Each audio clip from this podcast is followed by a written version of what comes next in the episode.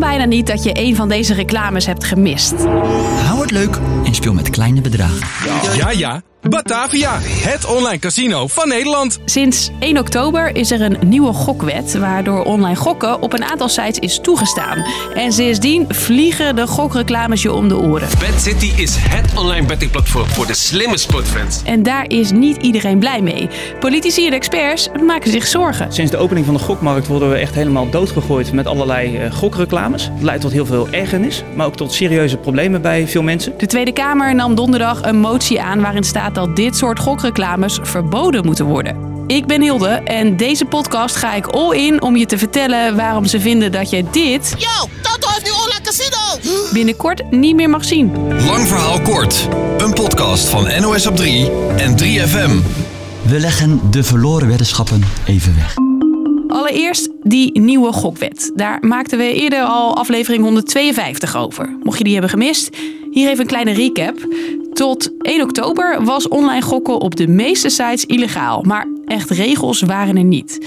Nu hebben bedrijven een vergunning nodig om online een potje poker, roulette of bingo aan te bieden.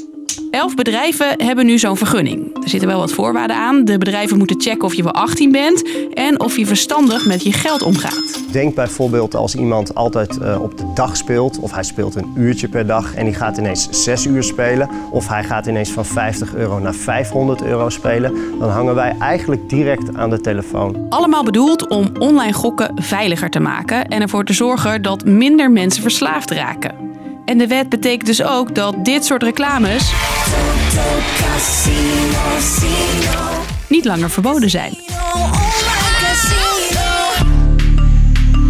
En daar gaat het volgens sommigen mis. Want al die reclames kunnen wel zorgen voor extra verslavingen, vrezen experts. Ik merk met name dat mensen die gestopt zijn en die zeg maar, het eerste jaar van herstel zijn, dus het eerste jaar niet meer gokken, dat die nu best wel last hebben, zeggen ze, van alle reclames die er zijn. Ook dit Kamerlid van de ChristenUnie is fel tegen de reclames. Als iets mag, betekent het nog niet dat het goed is voor iedereen. En dat geldt in het bijzonder voor gokken. Als we kijken naar kinderen, die zijn daar kwetsbaar in, zien we ook dat ze daardoor toch eh, getriggerd worden. Recente cijfers over gokverslaving zijn er niet echt. De laatste komen uit 2016. Toen waren er volgens Verslavingsinstituut Jellinek bijna 80.000 mensen gokverslaafd. Nog eens 95.000 mensen waren niet verslaafd, maar gokten wel zo vaak dat ze een hoog risico lopen om verslaafd te raken. Ook weten we dat jaarlijks ruim 2000 mensen hulp zoeken vanwege een gokprobleem. Online gokken komt daarbij steeds vaker terug, vooral bij jongeren. En dus, zeggen experts, moeten we oppassen met al die gokreclames. Ik maak me zorgen over mensen die denken: oh, ik ga eens kijken hoe dat is. Die er niet weten hoe verslaafd het kan zijn. Eh, de mensen die ik tegenkom, is over het algemeen begonnen op 18-jarige leeftijd. En ik zie die leeftijd zie ik naar beneden gaan. Dat gaat al richting de 15, 16. Dus er is een toename in spelers. En problemen die eruit voortkomen, komen pas als mensen vast gaan lopen. Dus het kan wel een half jaar tot een jaar duren. Niet alleen over de reclames zelf is kritiek, ook over het aantal tijdens de laatste wedstrijd van het Nederlandse elftal tegen Noorwegen. Bergwijn, nu, nu, nu, ja! Was ongeveer een kwart van de tv-reclames van een online gokbedrijf. Dat je moet oppassen met gokreclames, daar is iedereen het eigenlijk wel mee eens. Ook toen de nieuwe gokwet 1 oktober inging, waren er al regels. Zo mochten tv-reclames pas na 9 uur s avonds worden uitgezonden, niet gericht zijn op kwetsbare groepen en er mochten geen influencers of BN'ers jonger dan 25 in zitten. Gokbedrijven hadden zelf al door dat dat alleen niet genoeg is en kwamen onlangs met extra regels, vertelt verslaggever Nick Wouters. Ze beloven dat er uh, een maximum komt van drie spots per reclameblok op tv. Dat was er eigenlijk al, want de zenders hanteerden dat. Maar er is nu ook een maximum van 30 seconden per reclame. En als er meer dan 25% van de kijker een jongere is, dan mag je daar geen reclame bij maken. Ook mogen gokbedrijven per reclameblok maar één commercial uitzenden. En de regel dat gokreclames alleen na 9 uur s avonds mogen worden uitgezonden, geldt nu ook voor online reclames. En daarnaast is er een nieuwe slogan. Deze, speelbewust 18 plus, vervangen ze voor deze. Wat kost gokken jou? Stop op tijd.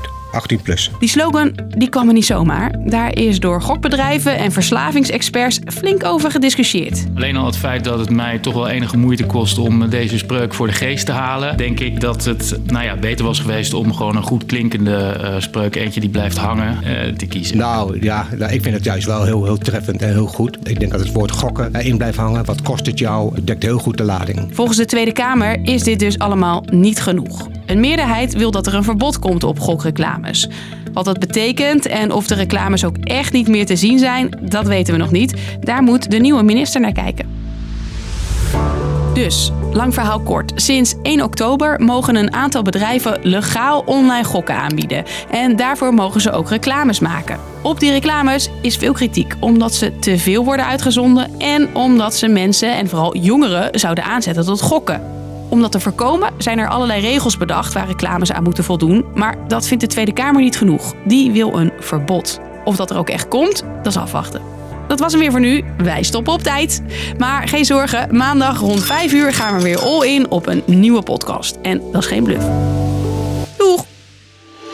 3FM Podcast. Stel, je bent 30 jaar. Verliefd op de leukste vent van de stad. Hoi, ik ben Lex Uiting. Ja, en Suus is natuurlijk de leukste vrouw van de stad. Je hebt eindelijk je droombaan te pakken. En je grootste wens is om ooit een kindje te krijgen. Wat gebeurt er allemaal? Dan krijg je te horen... In een van de twee biopten die ik had genomen... dat daar wel kankercellen in zijn gevonden. Je hebt baarmoederhalskanker. In de podcast De Tumortapes hoor je ons persoonlijke, eerlijke en rauwe verhaal. Wat doet baarmoederhalskanker met je? En wat betekent dit voor je allergrootste droom? De Tumortapes, vanaf nu te beluisteren in de 3FM-app of op jouw favoriete podcastplatform.